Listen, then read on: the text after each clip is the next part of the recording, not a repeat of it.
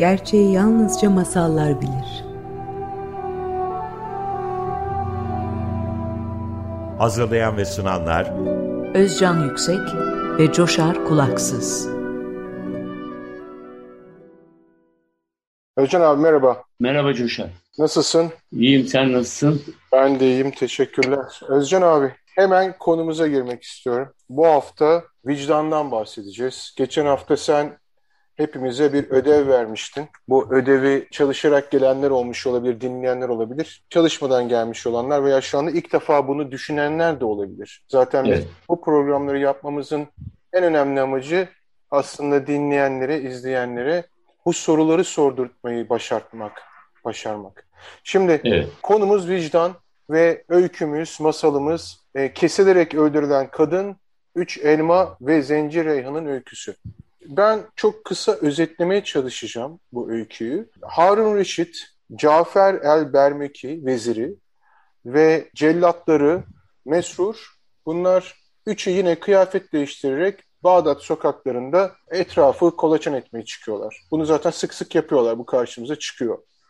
Ee, sonra bir ihtiyar balıkçıyla karşılaşıyorlar ve ihtiyar balıkçı e, büyük bir sefalet içinde e, ve e, yazgısının çok kötü, bahtının kapalı olduğuyla alakalı şikayette bulunuyor ve aslında ölmek istiyor artık o noktaya gelmiş. E, Dicle, Dicle, Nehri'nin kıyısında. Dicle Nehri'nin kıyısında. Evet. evet. Dicle Nehri'nin kıyısında ve diyor ki işte orada güzel bir şiir var, dizeler var. E, merak edenler bu şiirdeki, eğer vaktimiz kalırsa sonra okumaya çalışırız ama merak edenler e, okuyabilirler. Çok güzel bir şiir var. Bu yaşlı balıkçının okuduğu. Sonra bunu duyduktan sonra Harun Reşit diyor ki ya yaşlı balıkçı ben diyor ağını at çıkan ne çıkarsa sana ben ben onu 100 dinara alacağım diyor. Peki diyor. Bunun üzerine ağını atıyor ve ağır bir sandık çıkıyor. Ve zar zor zaten çıkarıyor bunu. Böyle hani ağıyla falan değil. Onu yakalıyor o sandığı. Sonra Cafer'le Mesrur bunu alıp götürüyorlar ve kırarak, parçalayarak bu e, sandığı açıyorlar. Açar açmaz palmiye yaprakları arasında duran bir küfe buluyorlar. Bu küfenin ipini çözüyorlar. İpi çözünce bir halı buluyorlar. Halının altında bir başörtüsü, e, başörtüsünün altında da beyaz tenli parçalanarak öldürülmüş genç bir kadın cesetine rastlıyorlar.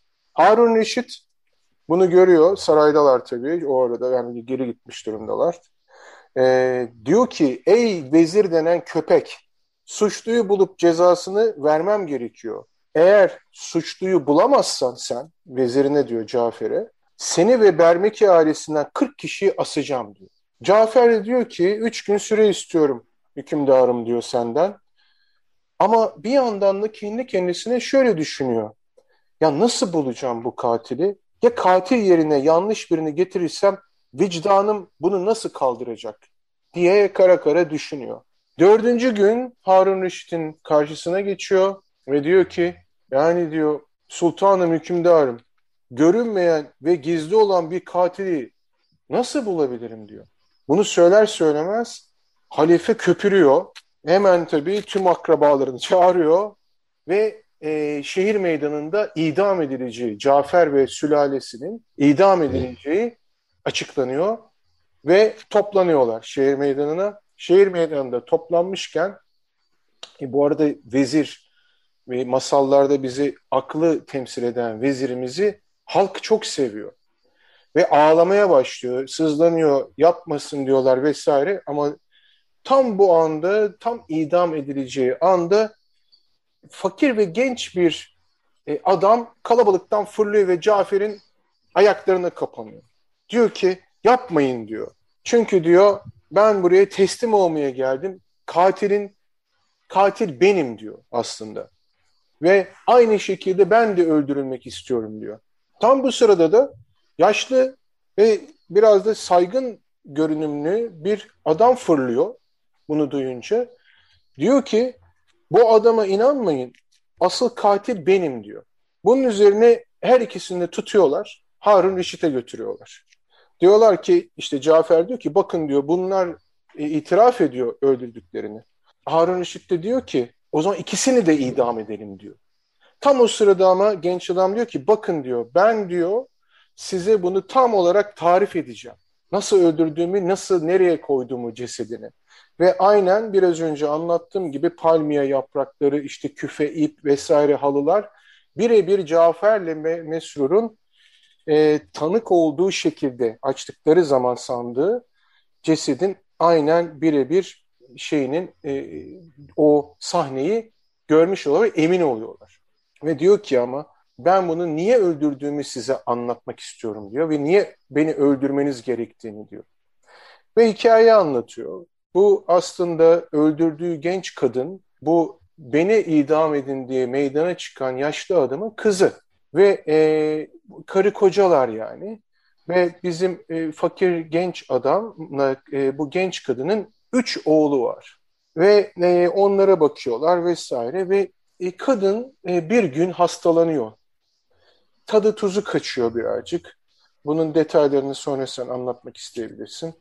Evet. E, ve e, karısıyla e, aynı yatakta yatmıyor bu sırada genç adam. Ve karısı diyor ki ben diyor canım çok elma çekti. Bana lütfen elma bul diyor. Ya adam pazara gidiyor, oraya gidiyor, buraya gidiyor. Bir türlü elma bulamıyor. Ama kadının burnuna kokusu geliyor bu şeyin ve karısını memnun etmek istiyor aslında. Başka şehre dahi gidiyor. Basra'ya evet, sonunda birisine karşılaşıyor. Ya diyor ben bu elmayı nerede bulurum? O da diyor ki sen Basra'ya git diyor. Oradaki bahçelerde bulabilirsin. Sonunda Basra'ya elma almaya gidiyor ve 3 altın dinar öne, e, ödeyerek 3 tane elma alıyor ve karısına getiriyor. Ama tuhaf bir şekilde karısına bu elmaları verince karısı bunu böyle bir neşeyle karşılayamıyor. Çünkü tekrar hasta oluyor. Birazcık iyileşmiş olmasına rağmen tekrar hasta oluyor ve böyle bir neşesiz halde hani getirdiği şeyi öyle kabul ederekten e, genç adamın e, hani birazcık da şaşkın bakışları altında e, bu sahne gerçekleşiyor ve sonunda e, bizim e, kara, bizim genç adam dükkanına gidiyor. Evden ayrılıyor. Bu iç elmayı da e, karısının yatağının başında bırakıyor. Ve sonra e, Birdenbire dükkandan dışarı baktığında orada bir zencinin elinde elma ile oynadığını görüyor. Bunun üzerine diyor ki sen bu elmayı nereden aldın diyor zenci. O da diyor ki ya diyor ben bunu diyor sevgilimden aldım. Çünkü diyor o bu boynuzladığı kocasını Basra'ya kadar gönderip orada 3 dinar karşılığında 3 tane elma almış. Bunu da diyor sevgilim bana hediye etti diyor. Bunun üzerine gözü dönüyor bizim genç adamın ve hemen karısının yanı başına gidiyor ve karısının yanı başına gittiği zaman da şunu görüyor. Bir tane elma eksik. Ve diyor ki karısına nerede diyor bu elma? Vallahi hiç haberim yok diyor karısı. Bunu duyar duymaz tabii cinnet getiriyor ve organlarının başını kopararcasına doğrayarak öldürüyor. Ve tabii ağlamaya başlıyor, sızlıyor. Ve bu sırada oğullarından birini görüyor. Oğul da ağlıyor. Oğlu ağlarken diyor ki niye ağlıyorsun? Diyor ki babacım diyor çünkü diyor ben diyor annemden habersiz elmayı aldım yatağının başındaki. Onunla da oynarken sokakta bir zenci geldi yanıma ve o zenci bana dedi ki bunları nereden buldun? Ben de hikayesini anlattım. Bunlar Basra'dan babam getirdi. Üç tane elma vesaire. Bunun üzerine zenci hiç bana sormadan parasını bile ödemeden hatta beni de tokatlayarak elimden aldı ve gitti. Sonra bunun üzerine tabii adam e, bitap düşüyor, anormal üzere ve kayınpederine yani o yaşlı adama gidiyor. Ve e, hikayeyi anlatıyor ve ikisi de gece yarısına kadar e, hüngür hüngür ağlıyorlar. Sonra beş gün matem tutuyorlar ve adam bu yüzden de kendisinin öldürülmesini istiyor. Ama Harun Reşit diyor ki hayır diyor. Zenciyi bulacaksınız, onun öldürülmesini istiyorum diyor. Bunun üzerine Cafer'e diyor ki zenciyi bul getir yoksa seni öldüreceğim. Diyor. Cafer de bu sefer hiçbir şey yapmayıp üç gün evine kapanıyor ve orada o üç günü e, Allah'ın iradesine bağlanacağım diyerekten bekliyor. Sadece bekliyor. Ve o sırada dördüncü gün ulak geliyor diyor ki e, vedalaş. Asıl idam edileceksin. Hala gelmedin. Bunun üzerine çocuklarıyla falan vedalaşırken e, son bir kez Cafer'in en küçük kızı ve e, en sevdiği çocuğu ve kucaklaşıyorlar. Bu çok güzel, dramatik bir sahne. En önemli sahnelerden biri. Ve Cafer bu kucaklaşma sahnesinde uzun uzun kızıyla birlikte ağlıyor. Bağrına bastırdığı sırada ama bir yuvarlak bir şey onun o ittiğini hissediyor ve onun bir elma olduğunu fark ediyor ve diyor ki kızına bu ne diyor kızım bu elma nereden geldi? O da diyor ki bizim zenci kölemiz Reyhan'dan ben satın aldım diyor. İki dinara satın aldım. O da başka birisinden almış diyor babacım diyor. Onun üzerinde dört gün yanında dolaştırıyor ve onu da cebine koyuyor ve bu kucaklaşma sahnesinde de e, elmanı, elmayı ve e, haliyle katili bulmuş oluyorlar. Cafer çok seviniyor, Reyhan'ı çağırıyor, zindana attırıyor ama sonra birdenbire vazgeçiyor ve diyor ki kendi kendisine şu dizeleri okuyor, hızlıca okuyacağım. Eğer felaketler kölen yüzünden başına gelmişse nasıl olur da kendini bu köleden kurtarmayı düşünmezsin? Bilmez misin ki köleler hızlı yürür, oysa ruhun tektir ve yerini dolduramazsın. Dizelerini okuyup kendine çıkarıyor zindandan. Harun Reşit'in karşısına geçiyor diyor ki buldum diyor zenciyi, katili. Ama diyor sultan diyor sana bir şartla bu hikayesini anlatacağım. Onu bağışlarsan diyor. Harun Reşit de peki bağışlıyorum anlat diyor hikayesini ve biraz önce anlattığımız hikaye anlatılıyor. Çok kısaca öyküyü özetledim. Abi sözü sana vereceğim. E, biraz uzun bir masal, önemli masal. Biraz detaylara girdim. Kusura bakma biraz uzattıysam lütfen ama daha fazla, Yok, daha kısa toparlamayacaktım. Söz sende. Ee, çok zor anlatılan bir masal. Ee, ayrıntıları var. Benim de asla başaramadığım bir e, yani ezberlemeyi başaramadığım bir e, masal. Çünkü benim zihnim biraz örüntülere e, dayalı bir zihnim var. E, ayrıntıları e, birbiriyle ilişkisiz olan ayrıntıları şey yapamıyorum. O örüntülerden dolayı masalları iyi görebiliyorum. Bir, öyle bir özelliğim oluyor ama e, ne yazık ki de bir masalı anlatamıyorum baştan sona. Bu da sanırım Binbir Gece masallarının e, en güçlü masallarından biri yani birbiriyle yarıştırmak çok kolay değil ama bence birincisi diyebilirim çünkü anlattığı konu vicdan. Ve vicdan denilen kavram insanların çok bildiği, tanıdığı vicdan deyince herkes bir şekilde tarif edebilir ama vicdan iki nokta üst üste şudur de, demek neredeyse imkansız. E, neredeyse ben hiç rastlamadım. E, hatta bu masalı anlatmadan önce e, geçen sefer de söylemiştim. İstediğiniz kitapları, Wikipedia'ları, ansiklopedileri açın, edin. Bir tarifi varsa e, onu da işitmek isterim diye söylüyorum. Çünkü vicdan e, bu masal dışında vicdan ne olduğunu e, anlatan e, bir anlatı bulamadım. Yani edebiyat, masal ya da bilimsel e, olsun e, Harvard'dan ya da Oxford'dan, Oxford'dan çıkan herhangi bir kitaptan olsun bulamadım. Bu yüzden çok önemli bir şey. E, ülkemizde bütün dünyada da var ama ülkemizde e, en e, kötü durumda olan yerlerden biriyiz. Türkiye kadın cinayetleri işleniyor. Sanki bunu da anlatılmış gibi. E, bir yakınımız olması gerekmiyor. E, ülkede, toplumda hatta dünyada e, haksız yere e, öldürülen, e, öldürülen, haksız yere, e, yok yere, boş yere öldürülen e, kadınlar var, erkekler de var kuşkusuz. E, haksızlık yapılan her durumda, bu işin içinde cinayet böyle de olmayabilir, vicdan e, onu durdurması lazım. Eğer vicdan yoksa toplum çöker. E, burada aslında iki tane şeyi e, vurgulamak e, ve üzerinde durmak istiyorum. Belki e, şu anda olmasa bile toplumsal bir şey. Ortak bir duygu. Sadece bize ait bir e, duygu değil. E, ortak bir hissiyat.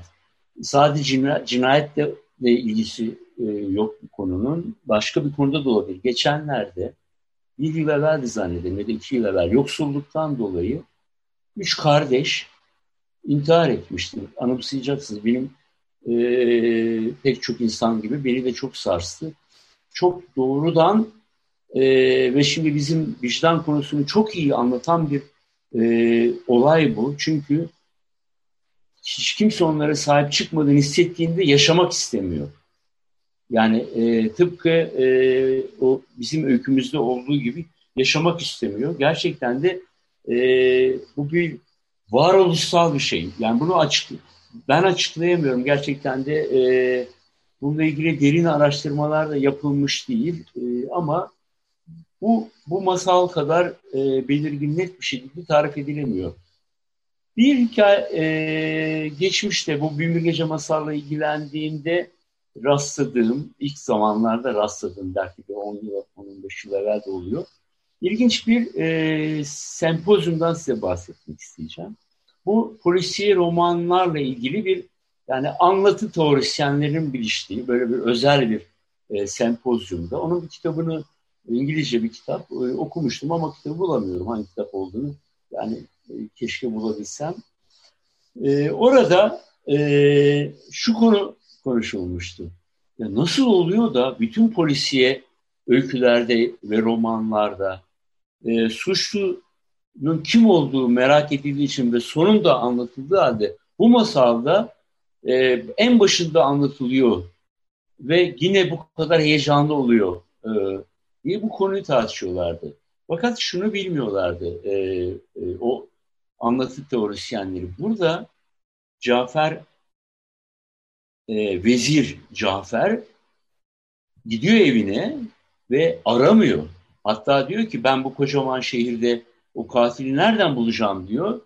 Aramıyor. Üç gün e, kalıyor. Biz üç, üçü nereden biliyoruz? Sonsuzluk. E, aramıyor çünkü suçlu değil bizim burada Binbir Gece masallarının Şehrazat'ın bize suçlu önemli değil. Suçluluk duygusu önemli. Vicdan önemli ve e, vicdanı da bu kadar belirgin ve bu kadar güçlü bir şekilde tarif edebilecek bir öyküyü ben e, bilmiyorum ya da e, kurgu dışı bir ansiyopedik bir bilgiyi bilmiyorum. İlk zamanlar Wikipedia'da hiç yoktu ama şimdi gene derme çatma da olsa bu konulara girmeye çalışmış. Genelde öğreti şunlar üzerine gidiyordu işte din ve vicdan, İsa ve vicdan, e, şu ve bu vicdan biçiminde vicdanı bir şeyle ekle, ekleyerek yapıyorlardı.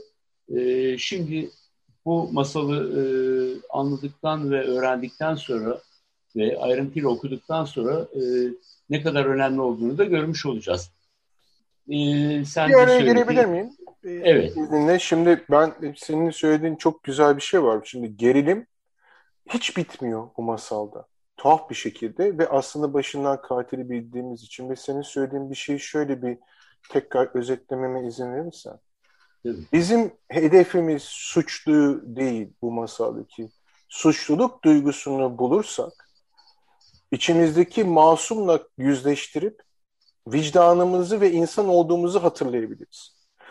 Masal çok kısa da olsa biraz da yüzeysel olsa bunu anlatıyor diyebilir miyiz dinleyicilere? Yani bizim evet. suçluluk duygusunu bulursak evet. kendi içimizdeki suçluluk duygusunu ya biz bir suçlu sürekli bir suçlu aramaktansa kendi içimizdeki suçluluk duygusunu araştırırsak Cafer'in Harun Reşit'in Cafer'e yaptırdığı şekilde biz de kendi, bunların hepsi kendi içimizde olan biten şeyler diye konuşuyoruz hep seninle.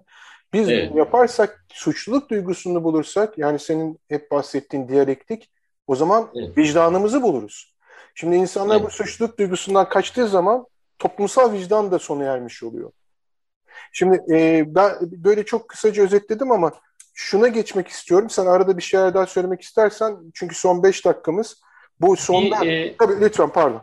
E, bir konuyu e, aslında altını çizmek istiyorum e, bu, bu konu. İşte küçük kızına e, sarılıyor ya, o aslında en masum yanımızı gösteriyor. E, yani orada bize oradan vurguluyor. Biz şimdi tamamen e, böyle kafadan atarak bunu söylemiyoruz. E, orada küçük kızına, kızına sarıldığı zaman yani artık bir küçük kız yani e, kız olması da önemli. Kadar masum bir şey olamaz. Bize masumiyeti o noktada gösteriyor. Bir ikinci şey, e, bir başka e, yine bu e, masal e, çözümlemesi programında hatırlayacaklardır e, dinleyicilerimiz. E, elma vardı. Burada da bir elma var. Elma orada da şefkati yani erkeğin kadına dönük yönelik şefkatini vurguluyordu ve aslında aşkın kendisinin bu olduğunu anlatıyordu. Burada da onu karşımıza çıkıyor. E, çünkü bir elma var, e, bir ayın başı vurgusu da var. Yani onu da iyicene anlatmaya çalışıyor. Yani e, kadınlarda e, bu şefkatin doğal olarak bir bir beklentisi olduğunu, yani kültürün de ötesinde bir beklenti olduğunu, aşkın bir var var olması mutlaka gerekli olan unsurlarından biri olduğunu burada da o daha evvel çözümümüz masalla bir gönderme yapmak e, istedim. Yani ikisi birbirini de bütünleyen ve çoğaltan e, e, kanıtlar diyebilirim. Özcan abi şöyle bir şey var. E, sonunda bu biliyorsun zenci e, köleyi e, zindana atıp sonra şu dizeleri okuyup bağışlanmasını sağlıyor. Bunu yorumlamanı isteyeceğim ve o dizeleri tekrar hatırlatmamı ister misin? Yani son dizeleri okuyayım. Bilmez misin ki köleler hızlı yürür, oysa ruhun tektir ve yerini dolduramazsın. Bu dizeler evet. neyi anlatıyor abi bize ve neden bağışlanıyor? Evet, çünkü e, iç, içimizdeki zenciyi anlatıyor. Yani karanlık bilinçaltımızı anlatıyor. Suçluluk duygusu. Yani bir yönüyle suçlu hissediyorsun kendini, bir yanda suçsuz hissediyorsun. Yani suçsuz olabilmek için suçlu olduğunu hissetmen gerekir. Yani yapmamak, yapmak. Yani bunu e, cinayetle anlatmak gerekmiyor. Yani bir bir çorbacı da e, çalışıyorsun. Bir çorbacın var. Yani çorbayı üretiyorsun. Çorbayı temiz suyla doğru, sağlıklı bir e, içerikle yapmak bir şey. E, doktorsun, onlar da daha vicdanlı olurlar. Çünkü sonucu daha önemli olduğu için onlarda vicdan çok daha önemli, belirgin. Yani daha az vicdansız oluyor bence. O meslekler önemli. Yani araba sürüyorsun, e, frene basmadı, fren mesafesinden hızlı gidiyorsun. E, bastığın zaman arkadaki sana çarpabilirsen, öndeki çocuğa çarpabilirsin. Yaptığımız her şey sonuç yaratıyor. O gene birinci öyküye e, geliyoruz. E, bunu tarif ediyor. Peki e, ba- bağışlanma yani neden bağışlanıyor? Neden bağışlanmasını çünkü, istiyor katilin? çünkü e, bu zaten e, içimizdeki o zenci bizim var olma şeyimiz. Ba yani e, gerçek bir cinayet değil, gerçek bir suçlu değil. Bir suçluluk duygusunu anlatıyor. Yani aslında suç ve suçlu iç içe, içimizde de var. Yapmadığımız şeyle de biz o suçluyu e, serbest bırakmış oluyoruz, e, almış oluyoruz. O da o yüzden aramıyor. Üç gün kalıyor, e, üç gün sonsuza kadar yani vicdan olmadığı zaman olmayacağımız, Olmayacağız. Evet. olmayacağız anlamına geliyor. Evet, bundan da güzel bir tarih ben e, bilmiyorum. Şimdi e, bir takım şeyler vardı. Oxford, Wikipedia isteyenler oraları girip bakar ve bizim evet. bugün anlattığımız ve Şehrazat'ın bizlere anlattığı gibi anlatamadığını da görürler. Ben daha fazla vaktini almak istemiyorum dinleyicinin çünkü süremiz doldu. Ben e, son olarak izninle şöyle toparlamak istiyorum. Gelecek hafta belki hem vicdana hem diğer konulara değinip seninle bir takım aşk masal, aşk e, dizileri okuyacağımız, aşk acısı, e, hamal ve genç kızlardan bahsedelim. Vicdandan da bahsetmeye devam edelim. Çünkü orada da vicdan işleniyor. Evet, evet. Ayrıca e, son olarak da hani bu vicdan konusunu düşünmeye devam etsin e, dinleyicilerimiz, bizler de. E, ben şöyle bir ufak bir şeyle tamamlamak istiyorum. Sen beni lütfen düzelt veya eksiğim varsa tamamla. Biz aslında en suçlumuzla, en masumumuz içimizdeki kucaklaştığımız zaman vicdan ve insan olduğumuzu hatırlıyoruz. Bu masal belki de birçok filozofun, filozofların veya Wikipedia'nın, Oxford'un yapamadığı tanımı çok güzel masalla anlatmış durumda. Sen de çözümleyerek bize aktarmış durumdasın. Bu haftaki süremiz doldu. Ee, müsaadenle gelecek hafta Hamal ve Genç Kızlar vicdan konusu ve diğer konuları, aşk acılarına devam edelim. Ee, bu haftalık herkese hoşçakalın diyelim. Hoşçakalın.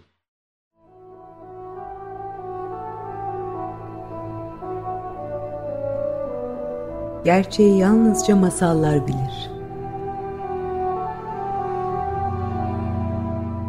Hazırlayan ve sunanlar Özcan Yüksek ve Coşar Kulaksız.